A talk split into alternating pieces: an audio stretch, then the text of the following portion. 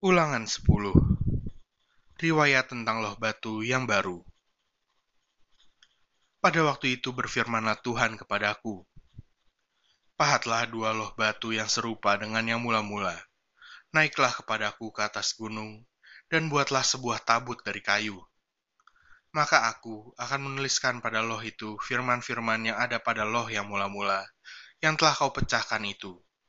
Kemudian letakkanlah kedua loh ke dalam tabut itu maka aku membuat sebuah tabut dari kayu penaga dan memahat dua loh batu yang serupa dengan yang mula-mula.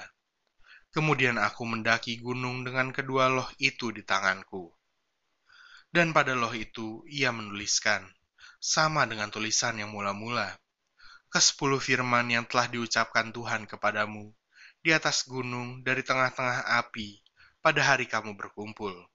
Sesudah itu, Tuhan memberikannya kepadaku. Lalu aku turun kembali dari atas gunung, dan aku meletakkan loh-loh itu ke dalam tabut yang telah kubuat, dan di situlah tempatnya, seperti yang diperintahkan Tuhan kepadaku.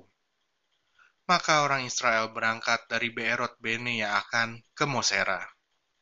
Di sanalah Harun mati dan dikuburkan. Lalu Eleazar anaknya menjadi imam menggantikan dia. Dari sana mereka berangkat ke Gutgot, dan dari Gutgot ke Yotbata, suatu daerah yang banyak sungainya. Pada waktu itu, Tuhan menunjuk suku Lewi untuk mengangkut tabut perjanjian Tuhan, untuk bertugas melayani Tuhan, dan untuk memberi berkat demi namanya sampai sekarang. Sebab itu, suku Lewi tidak mempunyai bagian milik pusaka bersama-sama dengan saudara-saudaranya. Tuhanlah milik pusakanya seperti yang difirmankan kepadanya oleh Tuhan Allahmu. Maka aku ini berdiri di atas gunung seperti yang pertama kali, empat puluh hari empat puluh malam lamanya, dan sekali ini pun Tuhan mendengarkan aku. Tuhan tidak mau memusnahkan engkau. Lalu berfirmanlah Tuhan kepadaku, Bersiaplah, pergilah berjalan di depan bangsa itu, supaya mereka memasuki dan menduduki negeri yang kujanjikan dengan sumpah kepada nenek moyang mereka untuk memberikannya kepada mereka. Orang Israel diperingatkan supaya taat dan bersyukur.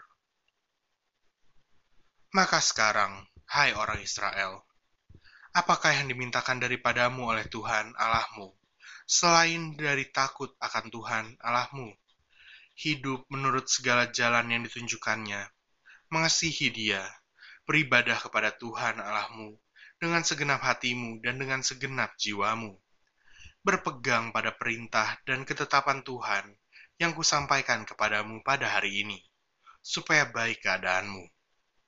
Sesungguhnya, Tuhan Allahmu lah yang punya langit, bahkan langit yang mengatasi segala langit, dan bumi dengan segala isinya. Tetapi hanya oleh nenek moyangmu lah hati Tuhan terpikat, sehingga ia mengasihi mereka, dan keturunan mereka lah, yakni kamu, yang dipilihnya dari segala bangsa, seperti sekarang ini. Sebab itu, sunatlah hatimu, dan janganlah lagi kamu tegar tengkuk. Sebab Tuhan, Allah mulah, Allah segala Allah, dan Tuhan segala Tuhan. Allah yang besar, kuat, dan dahsyat, yang tidak memandang bulu ataupun menerima suap, yang membela hak anak yatim dan janda, dan menunjukkan kasihnya kepada orang asing dengan memberikan kepadanya makanan dan pakaian. Sebab itu, haruslah kamu menunjukkan kasihmu kepada orang asing, sebab kamu pun dahulu adalah orang asing di tanah Mesir engkau harus takut akan Tuhan Allahmu. Kepadanya haruslah engkau beribadah dan berpaut, dan demi namanya haruslah engkau bersumpah. Dialah pokok puji-pujianmu, dan dialah Allahmu, yang telah melakukan di antaramu perbuatan-perbuatan yang besar dan dahsyat, yang telah kau lihat dengan matamu sendiri. Dengan tujuh puluh orang nenek moyangmu pergi ke Mesir, tetapi sekarang ini Tuhan Allahmu telah membuat engkau banyak seperti bintang-bintang di langit.